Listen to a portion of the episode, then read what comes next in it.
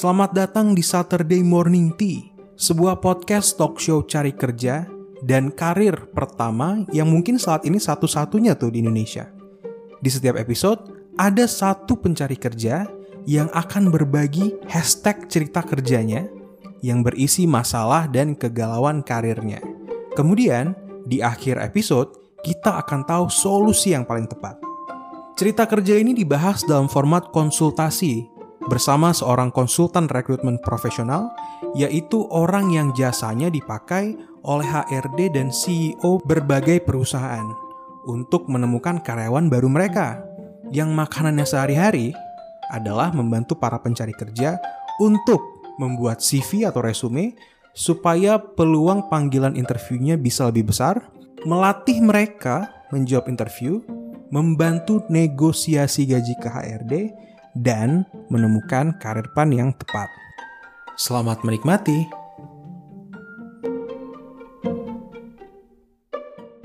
Halo, selamat pagi teman-teman. Selamat datang kembali di Saturday Morning Tea with me, Gilman Amri.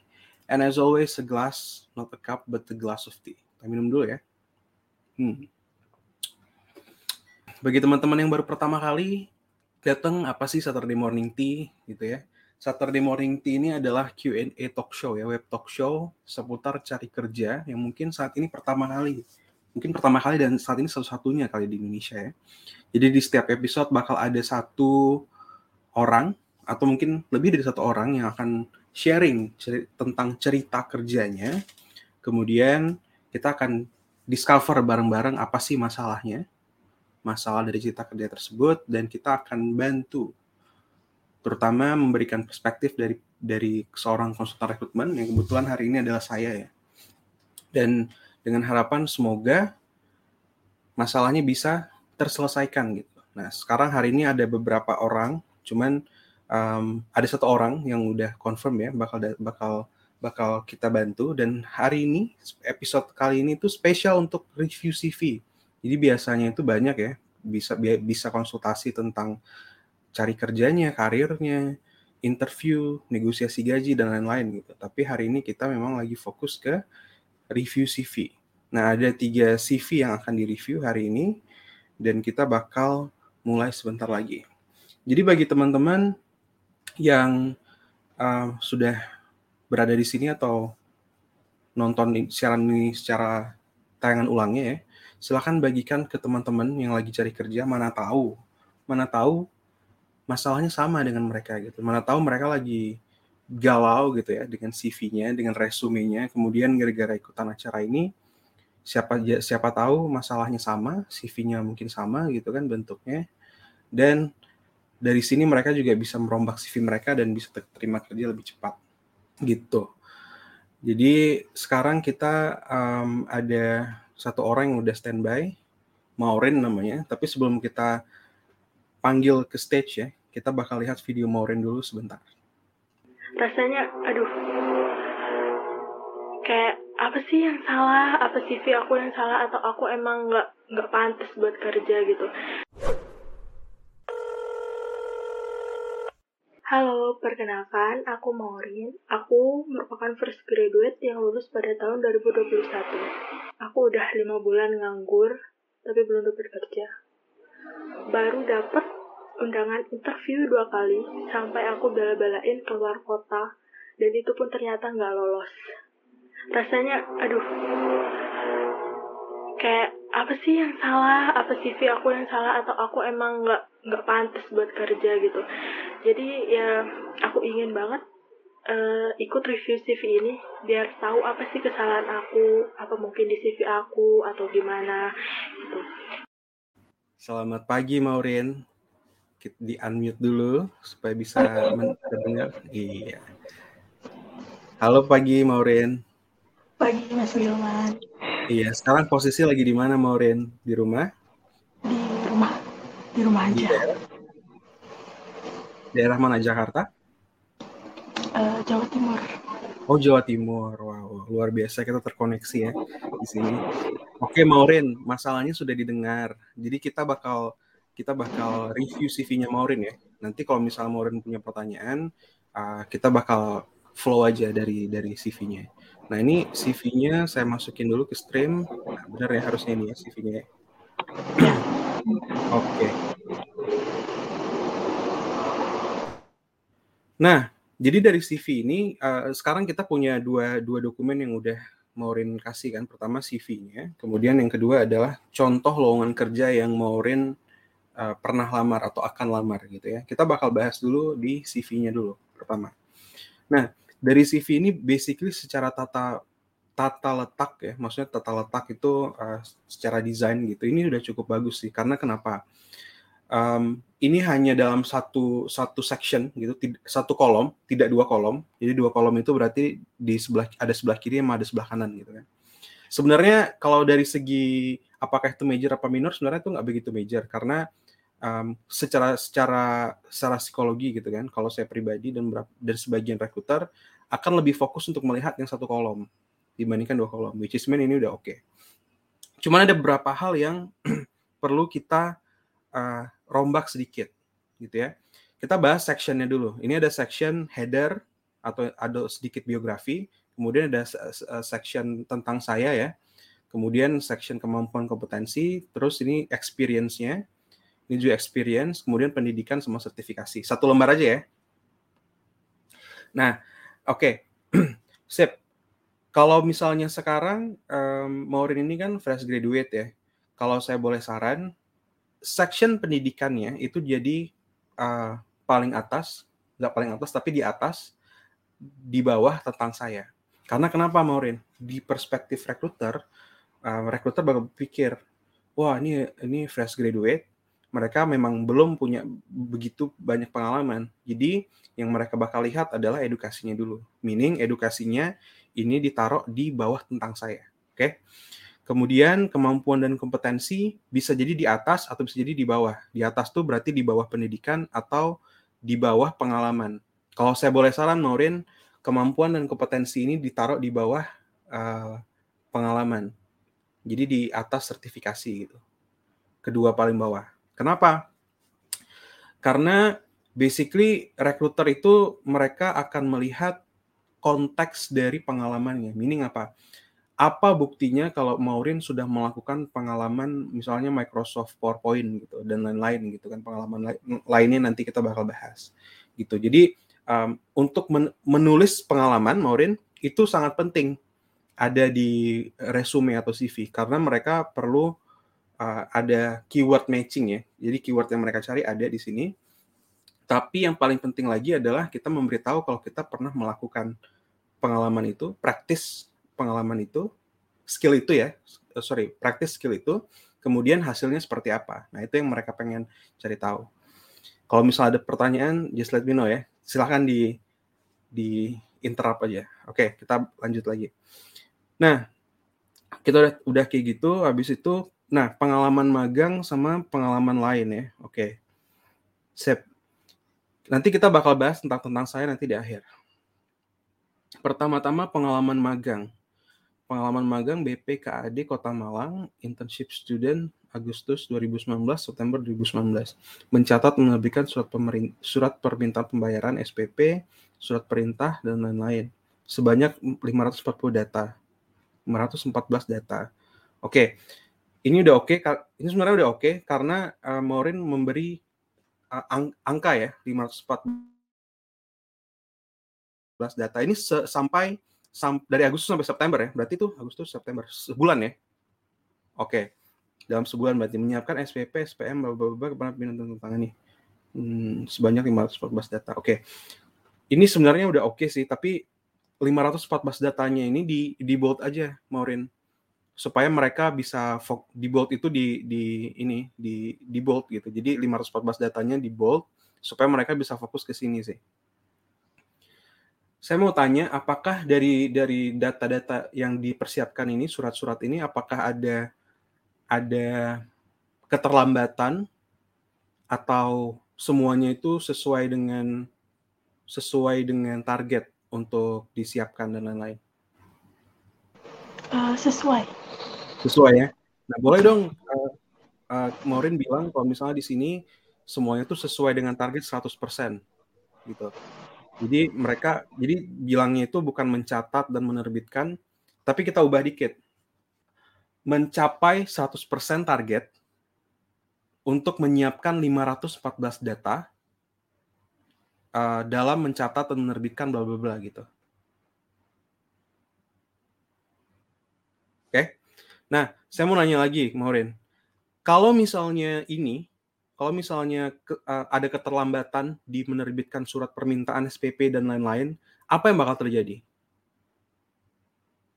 Bagi si orang itu tuh, milik KB, PAUD, dan TK, dan lain-lain perangkat daerah itu. Uh, dana dananya nggak cair, dana oh. hibahnya. Oke, okay. berarti yang harus Maureen tulis, sorry, yang harus Maureen tulis juga adalah memastikan dana hibah itu cair tepat waktu gitu. Memastikan dana hibah untuk siapa aja tuh? KB, KB itu apa? Kasih tahu KB itu apa? Saya kurang paham juga. PAUD, TK, kemudian berapa banyak KB, berapa banyak PAUD, berapa banyak TK? Apakah cuma satu? Apakah banyak gitu kan? Nah, jadi walaupun walaupun kita hanya mem, menyiapkan dokumen, tapi itu sangat penting karena kalau telat mereka bakal telat gitu kan. Si KB PAUD TK berapa banyak TK berapa banyak PAUD itu bakal telat gitu. Nah itu harusnya menjadi poin kedua. Jadi poin pertama tadi yang tadi kan poin kedua ini memastikan berapa banyak KB berapa banyak PAUD berapa banyak TK itu tidak terlambat menerima hibah dana hibah oleh pemerintah gitu. Kemudian eh, catat dulu ya catat dulu kemudian ya, kemudian ketika Maureen menyiapkan data-data dan dokumen ini, Maureen berkoordinasi dengan siapa? Sama atasan. Atasan itu posisinya apa? Uh, lupa. Apakah dia kayak semacam apa ya, manajer gitu-gitu? Posisinya? Supervisor? Lupa apa apa ke, pokoknya di bawah kepala gitu. Di bawah kepala ya, berarti uh, kepala itu kan divi, divis, division head biasa kan. Bilang aja um, kalau Maureen ini berkoordinasi setiap hari dengan uh, manajer level manager di BPKAD Kota Malang gitu. Jadi yang Maureen tulis dulu silahkan. Jadi yang Maureen lakukan adalah Maureen memberi bukti kalau Maureen pernah ber, telah melatih komunikasi dengan si manajer ini supaya dokumen-dokumen tadi itu sesuai, akurat gitu kan, dan tepat waktu untuk memastikan si hibah para KB, PAUD, dan TK ini mereka bisa dapetin mencairkan dananya itu tepat waktu. Jadi kita ubah angle-nya kalau Maureen ini tuh berperan penting untuk mereka gitu. That's why makanya ada internship student. Nah, itu yang harus kita kasih tahu. Dengan ini, Maureen sudah melatih skill komunikasi, Maureen sudah melatih skill project management, meaning deadline ya, target. Maureen juga sudah melatih skill administrasi dan lain-lainnya gitu. Dari sini kita kelihatan.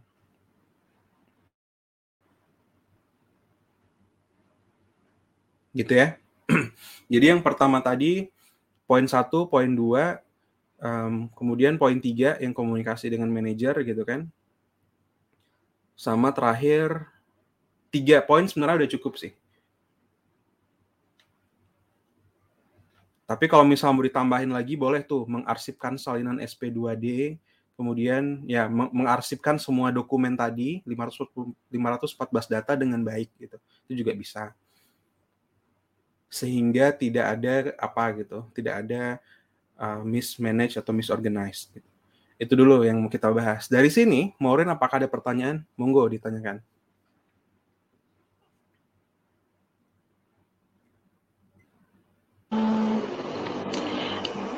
Nanya ya Mas. Silakan. Ini kan ini kan aku dari kota ini kan, kota A. Terus aku pengen kerja di kota B. Itu ya. di alamatnya itu dikasih kota kota aku apa kota yang akan aku lamar? Very good question. Gini, berarti kita bakal bahas di uh, header nih. Di header ini kan ada foto, kemudian ada nama, kemudian ada kota, nomor HP dan LinkedIn, eh, apa uh, email ini ya. Kalau saya boleh saran, di sini tulis aja misalnya uh, Malang, Jawa Timur. Bener nggak sih Malang tuh Jawa Timur? Misalnya gitu ya.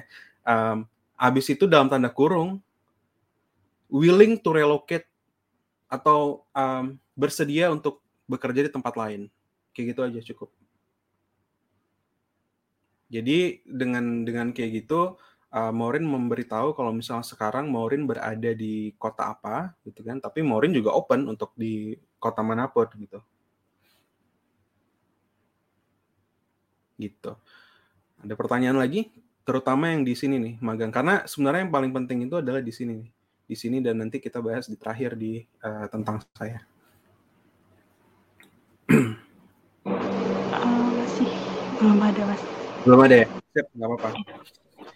Oke, kita lanjut. Pengalaman lain online shop Juni 2021 sampai saat ini. Nah, membuka online shop melalui marketplace Lazada memasarkan Oh, kita udah iklan Lazada nih kemarin.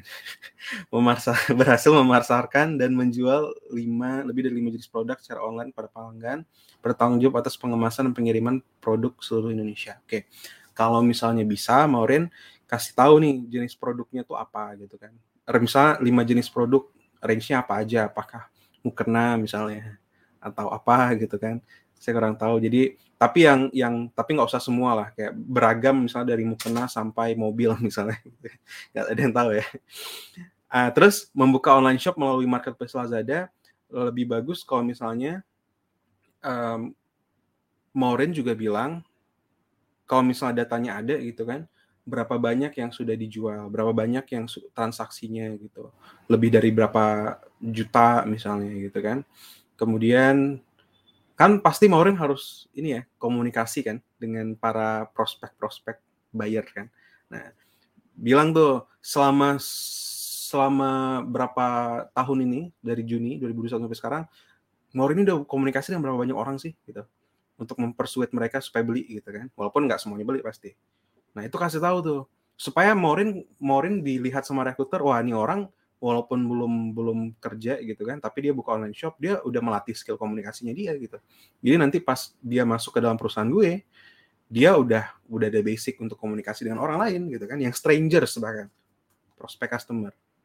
Gitu ya. Jadi pertama kasih tahu transaksi nilai transaksinya udah berapa banyak bisa jadi per bulan, tapi kalau misalnya ribet per bulan sampai sekarang udah berapa banyak gitu. 2021 sampai sekarang itu udah berapa misalnya udah ada uh, 30 jutaan transaksi yang sudah dibuat gitu kan. Dari lim, dari menjual lima jenis produk mukena sampai mobil misalnya kepada pelanggan melalui Lazada. Nah, gitu. Kemudian yang kedua um, memastikan pengemasan dan pengiriman baik dan tepat waktu pada seluruh pelanggan. Kepada berapa pelanggan tuh? Misalnya ada 30 ada 57 pelanggan. Nah gitu. Jadi harus detail. Sama yang terakhir adalah tadi um, berkomunikasi dengan atau yang berkomunikasi memastikan fast respon gitu kan biasa marketplace gitu kan fast respon ya respon rate-nya berapa memastikan fast respon uh, kepada lebih dari 200 prospek customer gitu dan mem mempertahankan respon rate dalam waktu tiga jam atau satu jam. Itu kan bisa tuh. Biasa Tokopedia, Lazada gitu kan. Respon rate-nya satu jam. Jadi berarti Maureen ini fast respon. Jadi kalau misalnya ada ada ada tasan nanti mau itu kerjaan ke Maureen gitu kan. Wah Maureen udah udah terbukti fast respon gitu. Begitu. Jadi kita ubah angle-nya dari job description. Ini semuanya yang saya lihat ini job description Maureen. Kita ubah de, uh, menuju uh, accomplishment gitu. Jadi accomplishment itu adalah skill yang dipakai dan hasilnya apa? Atau saya ulang ya. Accomplishment itu adalah hasil dari skill yang Maureen pernah pakai. Itu adalah accomplishment. Bukan presta bukan bukan semata-mata harus prestasi juara apa, di acknowledge sama apa enggak. Apa kontribusi kepada pekerjaannya gitu. Gitu ya, aman ya? Sip. Ada pertanyaan? Belum ada, Mas. Belum ada, siap. Oke, kita bahas pendidikan. Pendidikannya harusnya di atas. S1 manajemen IPK 3,5 berhasil menyelenggarakan acara organisasi dengan lebih dari 60 peserta. Kalau misalnya mau ditulis lagi, di, dikasih konteks lagi, berhasil menyelenggarakan berapa banyak acara, gitu kan, organisasi dengan lebih dari 60 peserta dalam level apa? Apakah sekampus atau senasional, apakah seprovinsi, ataukah internasional gitu kan? Nah itu kasih tahu juga gitu. Nah, kalau misalnya ternyata acaranya bagus atau lumayan oke okay, gitu kan, kasih tahu pesertanya tuh level apa. Misalnya uh, apa um, level ada no mungkin dosen gitu seluruh nasional atau mahasiswa seluruh seluruh kota Malang atau seluruh Jawa Timur, seluruh Pulau Jawa bisa kasih tahu juga. Kemudian kalau misalnya bisa lagi, Maureen kasih tahu, Maureen ini um, bertanggung jawab sebagai apa di di acara ini? Apakah sebagai project manajernya atau sebagai event organizer-nya atau apa gitu? Karena dari situ nanti recruiter bisa ngelihat, oh project manager berarti Maureen harus koordinasi ke IO, ke, ke apa treasury, ke komunikasi communication gitu kan, PR dan lain-lain gitu. Tapi kalau misalnya IO berarti the whole event itu Maureen yang uh, design gitu. Gitu sih. Oke, ini udah udah jadi lebih bagus nih, sangat lebih bagus. Sertifikasi, sertifikasi kompetensi customer relationship manager, nice. Kemudian kemampuan kompetensi nanti kita bahas. Nah, kita bahas tentang saya, Maureen ya, tentang saya. Saya merupakan lulusan sarjana manajemen universitas pada tahun 2001. Oke, um, di sentence pertama langsung aja bilang kira uh, uh, Maureen, kalau Maureen ini lu, boleh lah merupakan lulusan sarjana manajemen Universitas bla bla bla dengan IPK berapa? 3,5. Udah, gitu aja. Dengan IPK 3,5. Memiliki pengalaman magang selama satu bulan di BPKAD Kota Malang. Oke, mengalami pengalaman magang selama satu bulan di BPKAD Kota Malang dengan dengan apa ya hmm, memiliki pengalaman magang selama satu bulan di PPKA di Kota Malang yang memastikan apa tadi uh, dana itu cair tepat waktu di sana gitu. Nah, kayak uh, Maureen kasih tahu itu yang tadi di bullet point pokoknya ambil aja satu bullet point yang paling bagus di yang tadi pengalaman magang tadi taruh di sini harus ada harus ada angkanya juga ya selain itu nanti habis habis di situ habis di eh, di kalimat kedua kalimat ketiga selain itu saya juga saya juga mem memanage atau memanage apa? Mengelola online shop. Kemudian kasih satu accomplishment-nya yang ada di bullet point tadi ya accomplishment yang ada di bawah. Gitu. Um, memiliki kemampuan Microsoft Tools bla bla bla bertanggung jawab itu nggak perlu sih uh, Maureen. Kenapa? Karena um, itu claiming gitu. Claiming, claiming itu tidak begitu bagus kalau di uh, di di rekrutmen ya. Mereka tuh pengen lihat buktinya apa kalau misalnya Maureen itu mampu memiliki kemampuan Microsoft Tools atau social media things gitu kan. Apa buktinya kalau misalnya Maureen memiliki ketelitian motivasi? Sebenarnya udah udah dikasih tahu tadi kan. Kalau misalnya tidak teliti, maka dokumen-dokumen tadi bakal telat. Nah, rekruter bisa menyimpulkan dari situ gitu. Jadi nggak mesti harus ditulis kayak kayak gini sih, bertanggung jawab, inisiatif gitu kan, mudah bergaul, tidak sombong, rajin menabung, itu nggak perlu ditulis. Jadi di dalam tentang saya ini tiga sentence saja yang paling bagus dan paling sesuai dengan lowongan kerjanya. Nah, maksudnya apa tuh udah, udah mulai me menyernyit gitu kan alisnya tadi, nanti kita bakal bahas setelahnya ya. Itu maksudnya apa. Tapi yang penting tentang saya ini adalah tiga sentence saja, lulusan mana, IPK berapa, pengalaman magang di satu di BPKAD Kota Malang, di mana apa, accomplishment yang paling bagus, kemudian selain itu juga online shop di mana yang paling bagus gitu, accomplishmentnya. Udah selesai. Kalau misalnya mau ditambahin lagi, saya juga open untuk bekerja di uh, kota mana pun gitu kan kota selain Malang juga oke. Okay. Empat itu udah cukup. uh, dari di section ini apakah ada pertanyaan, Maureen? Nggak ada, Mas. Nggak ada ya? Oke. Sip. Nanti kemampuan dan kompetensi ini kita bakal ganti, kita bakal uh, bahas setelah kita tahu job des uh, lowongan kerjanya atau job description-nya gitu. Nah, itu adalah framework yang Maureen bisa pakai um, untuk untuk membuat CV atau resume. Nah, resume ini bakal dibuat Maureen, saran saya itu dipersonalize di setiap lowongan kerja. Jadi tidak bisa dipakai satu untuk semua lowongan kerja. Bisa-bisa aja sih sebenarnya. Cuman peluang untuk dipanggil interviewnya bakal lebih sedikit. Bukan berarti tidak dipanggil, tapi lebih sedikit. Kalau saya sih mending efektif aja gitu. Saya buat satu, kemudian dipanggil. Lebih besar panggilannya kan gitu sih. Jadi itu ya, itu frameworknya. Nah kita sekarang bahas, co kasih contoh nih untuk lowongan kerja yang Maureen udah kirim. Ini ya, posisi general staff, job requirement dan job description untuk di Smart ID gitu ya. Oke, kita bakal melihat Maureen pertama dari lowongan kerja ini kita analisa. Apa aja yang paling penting yang harus ada di sini, yang yang ada di lowongan kerja dan harus ada di resume, gitu kan? Kemudian gimana caranya job description yang udah ada di sini, yang ada di locker, itu bisa ada juga di, di dalam resume atau di resume kita tuh udah membuktikan kita berpotensi untuk melakukan dengan baik pekerjaan ini. Gitu ya. Kita bakal bahas di job uh, job requirement dulu deh, requirement dulu. Katanya usia minimal 20 tahun, maksimal 35 tahun, gitu kan. Maka di sini kalau misalnya uh, Maureen mau tambahin, ya bisa sebenarnya sih karena lulusan 2020 2021 itu harusnya uh, masih umurnya di bawah 35 tahun ya. Tapi kalau mau ditambahin lagi kasih tahu aja kapan uh, lahirnya gitu.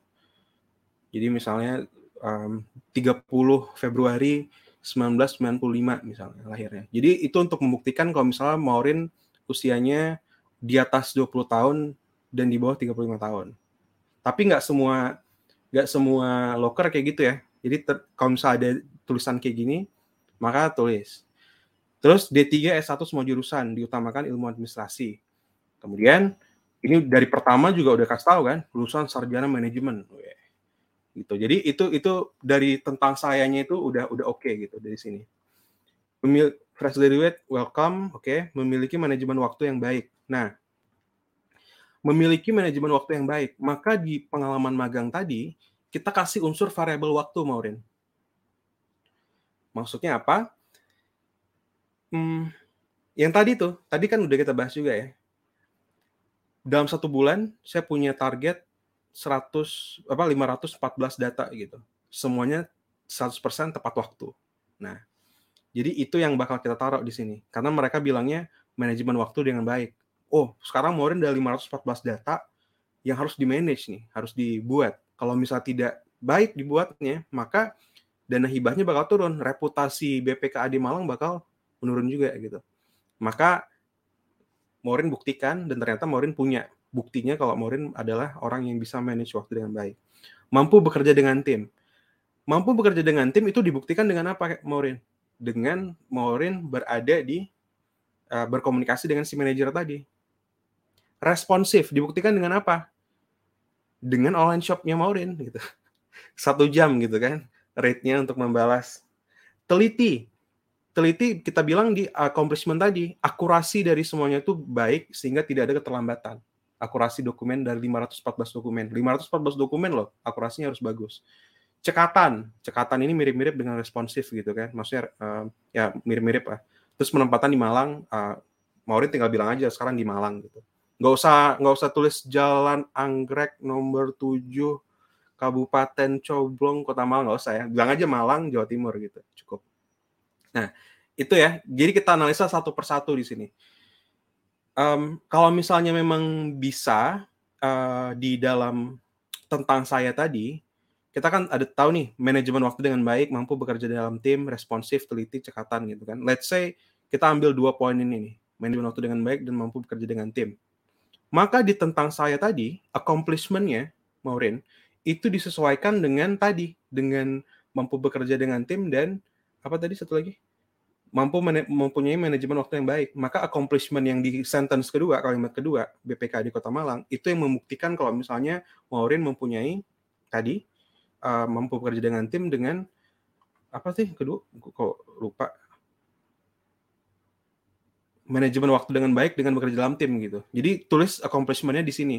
Jadi dari awal mereka ngelihat tentang saya, mereka udah tahu, oh Maureen bisa bekerja tim, bisa manage waktu dengan baik gitu. Bingung? Bingung nggak? Berarti tentang sayanya ini agak panjang ya? Tentang saya nggak usah panjang sih, Maureen. Um, maksimal itu sebenarnya tiga, tiga kalimat aja. Jadi di, di, di, di pendekin aja, dipendekin sependek-pendeknya gitu kan. Tapi yang bisa membuktikan kalau misalnya bisa manage waktu dengan baik dan uh, punya bagus dengan tim gitu, gitu aja. Hmm. Lebih baik seperti itu daripada kita tulis memiliki ketelitian, motivasi diri dan lain-lain gitu. Ya, sip. Maksimal tuh tiga tiga sentence saja cukup, tiga tiga kalimat. Nah, kita lihat lagi di job requirement Maureen. Mampu bekerja dalam tim, responsif, teliti, cekatan gitu kan. Maka tulislah keempat ini, keempat skill ini, tahu nggak di mana? Di sini. Tulisnya di kemampuan. Jadi buang semua yang ada di sini, pindahin di kemampuan dan kompetensi gitu. Kemampuan dan kompetensi ini ini tulis saja Microsoft Tools cukup lah. Kemudian tulis yang tadi ya, cekatan, responsif, teliti. Nanti dan ini taruhnya di bawah kan, di bawah di atas sertifikasi. Rekruter bakal lihat, wah ini berani-beraninya nih Maureen bilang dia teliti. Apa buktinya? Nah, Maureen udah buktikan di pengalaman kerja tadi, di section pengalaman magang gitu kan. Jadi semuanya itu inline dan masuk akal. Tidak hanya claiming. Itulah membuat Maureen resumenya different dan stand out dibanding yang lain. Aman ya? Sekarang kita job description, memastikan pemetaan kebutuhan kantor Smart ID, mem memastikan seluruh tagihan kebutuhan kantor terbayar di setiap bulannya, memastikan ketersediaan kebutuhan tamu dan sumber datang, laporan dan evaluasi kinerja berkaitan dengan general affairs, memastikan kondisi kantor, oke, okay, menginventarisasi dan perusahaan kantor. Oke, okay. basically ini dia uh, memang administrasi gitu kan, dan um, dan Maureen berpeluang sih karena Maureen memang pengalaman magangnya di sana di administrasi dan bisa koordinasi gitu. Kasih tahu kalau misalnya Maureen bisa berkoordinasi dengan manajer bisa koordinasi dengan si customer customer tadi gitu. Jadi sehingga ini bisa masuk sih gitu.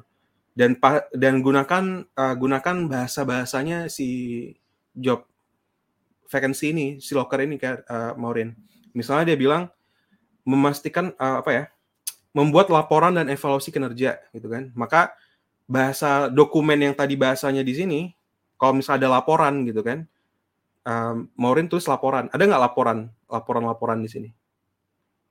Nggak uh, ada. Nggak ada ya? Oke kalau misalnya nggak ada nggak usah. Apa yang bisa kita ini ini ya? Kita samain inventar sarana prasarana kantor, pemetaan kebutuhan, surat tagihan kebutuhan kantor, ketersediaan kebutuhan tamu, laporan evaluasi kinerja dan berkaitan. Oke. Okay. Oke, okay, nggak masalah sih. Yang penting Maureen udah kasih tahu kalau misalnya Maureen udah melakukan ini ya di di sana gitu. Gitu. Ini posisi ini sudah di-apply atau mau di-apply? Udah. Udah di-apply. Udah udah di yeah. mana sekarang? Masih belum ada kabar. Belum ada panggilan ya. Oke, okay, nggak apa-apa. Nanti nextnya, next pekerjaan, lowongan kerja, uh, Maureen pastikan ini ya, Maureen pastikan uh, pakai cara tadi. Pertama cara untuk CV-nya atau resumenya. Kedua cara untuk menganalisa lowongan kerjanya. Kemudian di-matchkan keduanya, nanti ditulis dengan email atau cover letter dengan baik, maka peluang untuk dipanggil interview akan lebih besar. Tapi jangan cuma satu doang. Coba beberapa. Oke? Okay? Ada pertanyaan nggak, Maureen? Uh, ada mas. Hmm. Berarti ini tiap tiap uh, lamar kerja di CV-nya beda-beda ya? Soalnya kan yeah. hmm. anunya juga beda jobnya. Exactly, exactly Maureen. What a very good question. Karena kalau misalnya kita mempersonalize dan customize setiap resume atau si satu lowongan kerja, maka kan bakal berubah ya CV CV-nya uh, resumenya ada beberapa hal yang berubah detail sedikit tapi itu berpengaruh. Kenapa? Karena saya melihat kecocokannya gitu. Kalau misalnya saya saya maunya orang yang bisa masak telur mata sapi gitu kan. Maka saya akan lihat orang-orang yang bisa masak telur mata sapi. Padahal itu sama-sama telur gitu kan. Bisa jadi telur mata sapi, bisa jadi telur dadar, bisa jadi omelet, bisa jadi apa lah gitu kalau misalnya kita bilang telur doang, saya bisa masak telur, tapi nggak bilang telur mata sapi, maka dia akan tersisihkan dibandingkan orang-orang yang tulis saya bisa masak telur mata sapi gitu. Ibaratnya kayak gitulah. Maka di setiap CV atau resume itu saya sarankan untuk diubah sedikit berdasarkan setiap lowongan kerja. Ya, itu bakal taking time 15 menit, 30 menit, tapi kan untuk menambahkan peluang di pekan interview, why not gitu. Begitu. Any okay. other question, Hmm, kalau template CV-nya ini ngaruh nggak, Mas? Ke HRD? Kan ada hmm? ada yang CV kreatif sama CV kayak gini kan. Itu hmm. ngaruh nggak? Saya rasa itu minor ya, Maurin. Kenapa? Karena kalau dari pengalaman saya, yang diapresiasi oleh yang dinilai dari resume kandidat job seeker itu adalah keselarasannya apa yang dari dia tulis di sini dengan apa yang saya cari gitu. Itu sih. Dan pastikan si dokumen ini ya, itu tuh bisa gampang dibaca, gampang dicerna dan saya tahu saya mau lihat edukasi, saya bakal lihat di mana. Bukan membaca tapi scanning. Scanning itu beda dengan baca gitu. Kalau baca itu saya yang baca, saya merupakan lulusan sarjana manajemen. Nah, gitu. kalau scanning itu gue mau lihat dia edukasi di mana, IP-nya berapa? Oh, di sini, di sini. Terus pengalamannya apa aja? Oh, ini, ini, ini. Udah, gitu. Itu scanning. Tapi kalau baca tuh balik lagi. Nah, tujuan kita adalah membuat dia untuk baca lebih lama. Makanya banyak yang bilang kan recruiter itu butuh tiga detik untuk membaca dokumen Anda. Mereka tuh scanning. Dari scanning itu bisa tahu ini cocok apa enggak gitu. Nah, makanya kalau misalnya CV kreatif segala macam saya rasa nggak begitu nggak begitu major ya hubungannya dengan dengan dengan apa yang ditulis gitu. Mending apa yang ditulis itu sesuai dibandingkan CV-nya kreatif atau tidak kreatif. Buat CV kreatif itu juga kreatif itu kan subjektif ya sekreatif apa gitu kan. Dan dan lagian kalau misalnya mau memakai CV yang tidak seperti ini itu akan lebih bagus atau dalam tanda kutip CV kreatif gitu kan itu akan lebih bagus kalau misalnya posisinya juga di apply untuk yang kreatif juga gitu. Misalnya social media manager social media officer designer gitu kan atau perusahaan yang value-nya uh, kreativitas gitu beda dibandingkan yang lain gitu kan.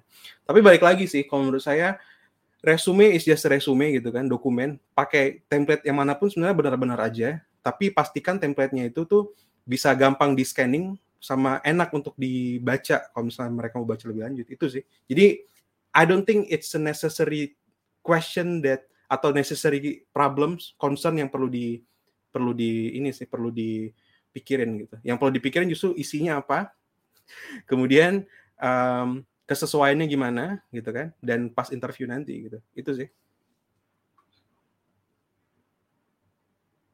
Any other question Maureen?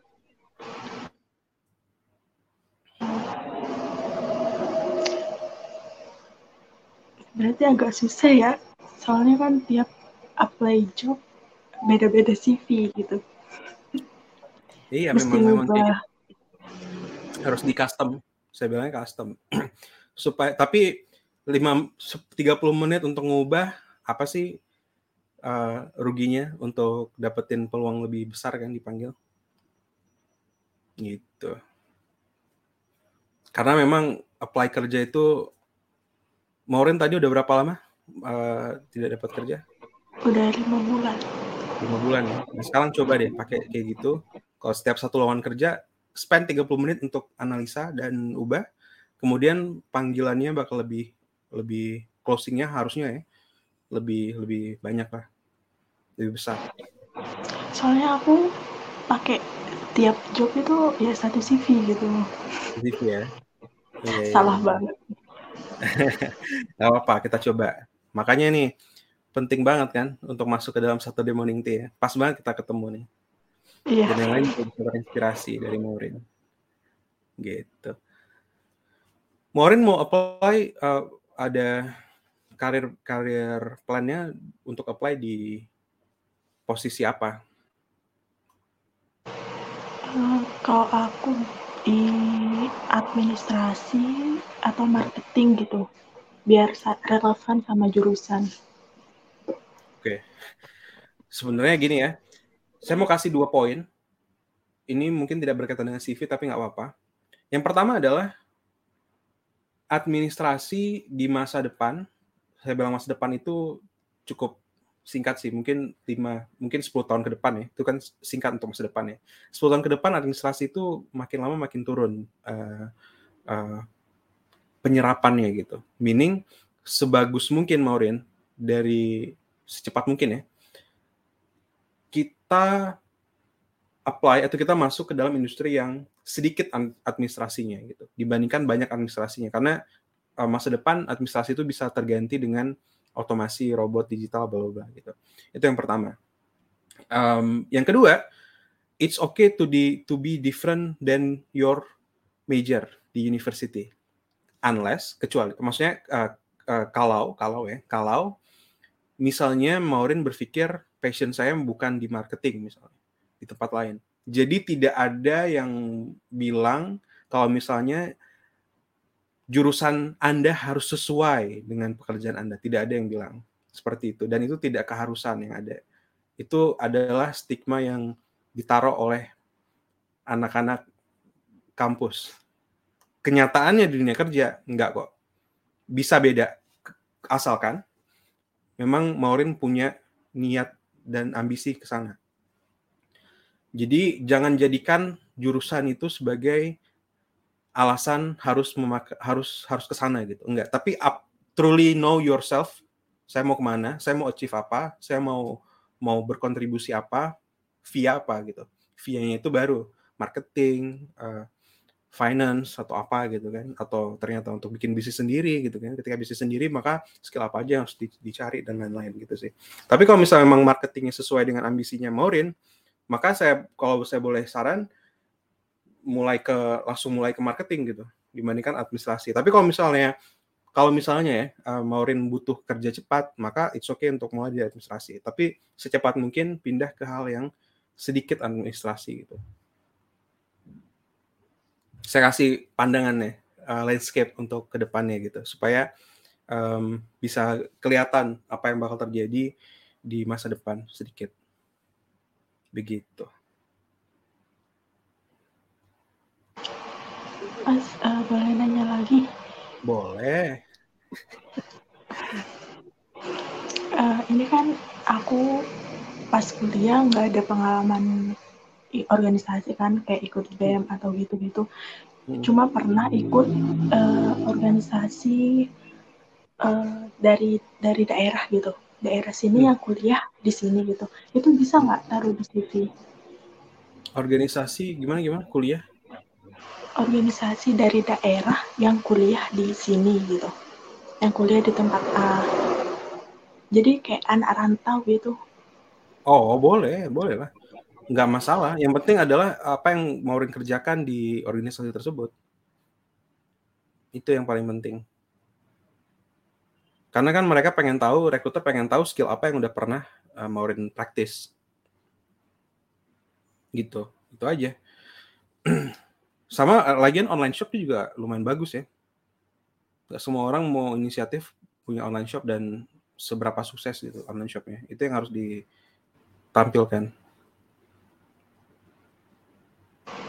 Itu organisasi ngaruh nggak sama uh, bisa lolos enggaknya interview gitu soalnya dulu pernah interview ditanyain uh, nggak nggak pernah ikut organisasi gitu katanya apa okay. ngaruh ya ngaruh apa enggak nggak sebenarnya gini kenapa mereka nanya organisasi karena untuk mempraktis melatih skill itu akan bagus di tempat yang baik yang tempat yang oke. Okay. Nah, tempat yang oke okay, salah satunya adalah apa? Organisasi.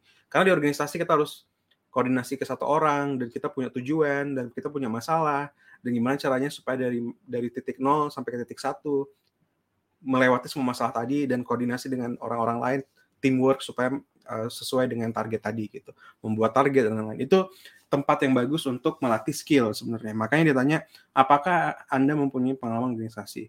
Kalau misalnya memang tidak, nggak apa-apa Maurin. Pilihannya dua. Pertama, Maurin kasih tahu organisasi lainnya yang tadi ya, yang apa anak rantau tadi. Apa yang Maurin lakukan di sana? Berikan kayak tadi accomplishment-nya apa. Misalnya Maurin pernah jadi uh, event organizer di sana buat event untuk 60 peserta dan tujuannya untuk ini dan semua tercapai. Bilang kayak gitu. Atau yang kedua, Maurin kasih tahu walaupun saya tidak mempunyai organisasi, tapi saya berinisiatif untuk membuat online shop. Gitu. Di online shop tadi, di online shop tersebut, saya achieve apa? Kasih tahu accomplishment tadi. Dan pastikan uh, skill-skill yang mereka, misalnya mereka butuh skill komunikasi, maka Maureen kasih tahu, saya telah mempertahankan fast response satu jam gitu kan, respon rate kepada prospek. Dan um, mereka Berarti itu responsifnya ya, komunikasi kan responsif bagian dari komunikasi gitu. Kemudian uh, bilang aja kalau komunikasinya tuh memang harus cepat dan baik gitu. Gitu. Jadi uh, kasih tahu hal yang lain yang bisa di offer. Atau yang ketiga nih, pilihan ketiga, Maureen. Sekarang juga ikutan volunteer di organisasi-organisasi non profit. Nah, organisasi non profit itu lihat banyak di di di di Indonesia. Di Malang juga harusnya banyak gitu kan. Organisasi pemudaan organisasi profit jadi volunteer. Volunteer itu biasa nggak dibayar ya. Tapi nggak apa-apa. Yang mau di yang, yang mau di adalah skillnya Maureen gitu. Nah jadi mulai dari situ. Tiga itu bisa dilangsung dilakukan. Yang paling praktis dua tadi tapi kalau misalnya mau di, memperbesar peluang lagi tapi harus extra effort. Ambil yang ketiga tadi pilihan ketiga. Di mana Maureen apply untuk uh, organisasi gitu ya sekarang dan nggak masalah. Nggak mesti harus kuliah gitu. Gitu.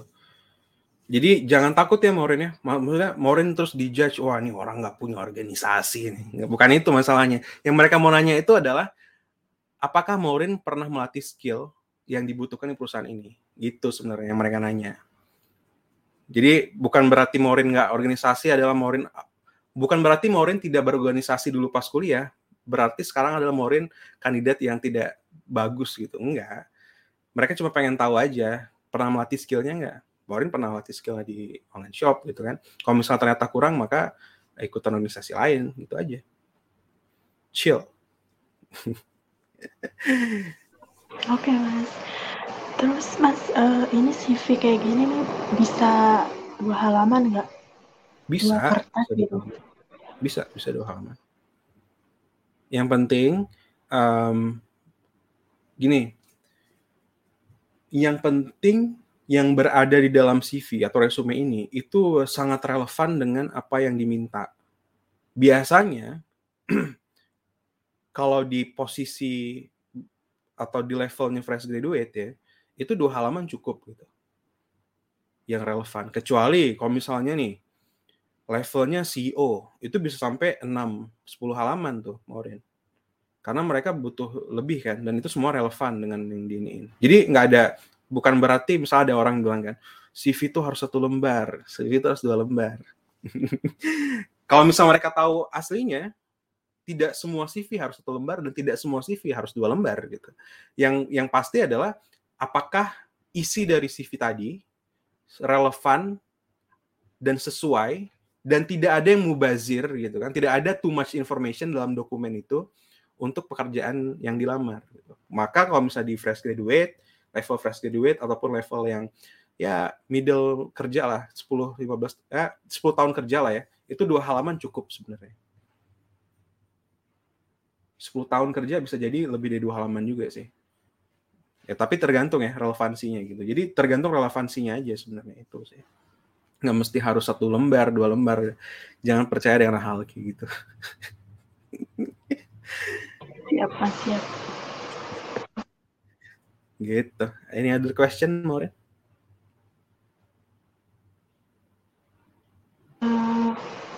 nggak ada. Nggak ada ya oke lah kalau kayak gitu Maureen silahkan di apply tips-tipsnya tadi ya. Kemudian um, cari locker yang sesuai juga. Dan um, apa yang perlu diimprove silahkan diimprove.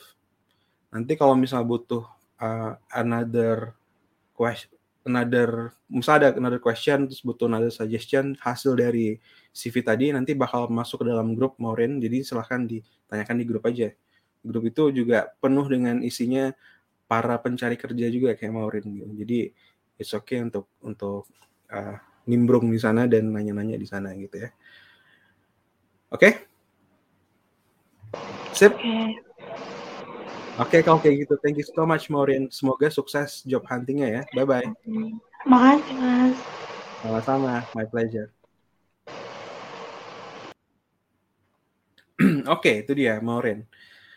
Um, punya masalah dengan CV-nya dan udah kita kasih pandangan-pandangannya.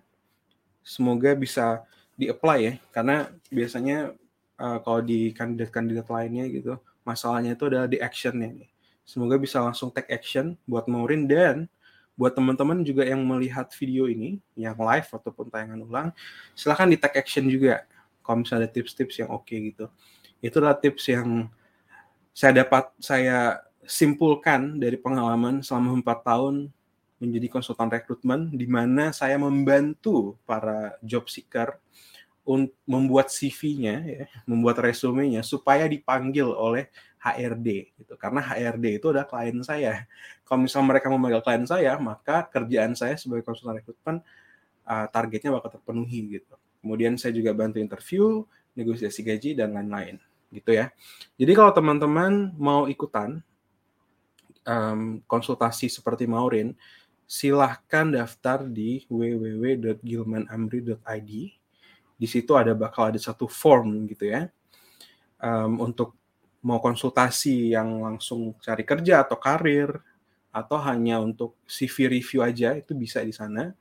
Kemudian kalau misalnya beruntung nanti you will be invited to this program. Nanti my team will contact you dan kasih briefing detail segala macam, technical briefingnya segala macam.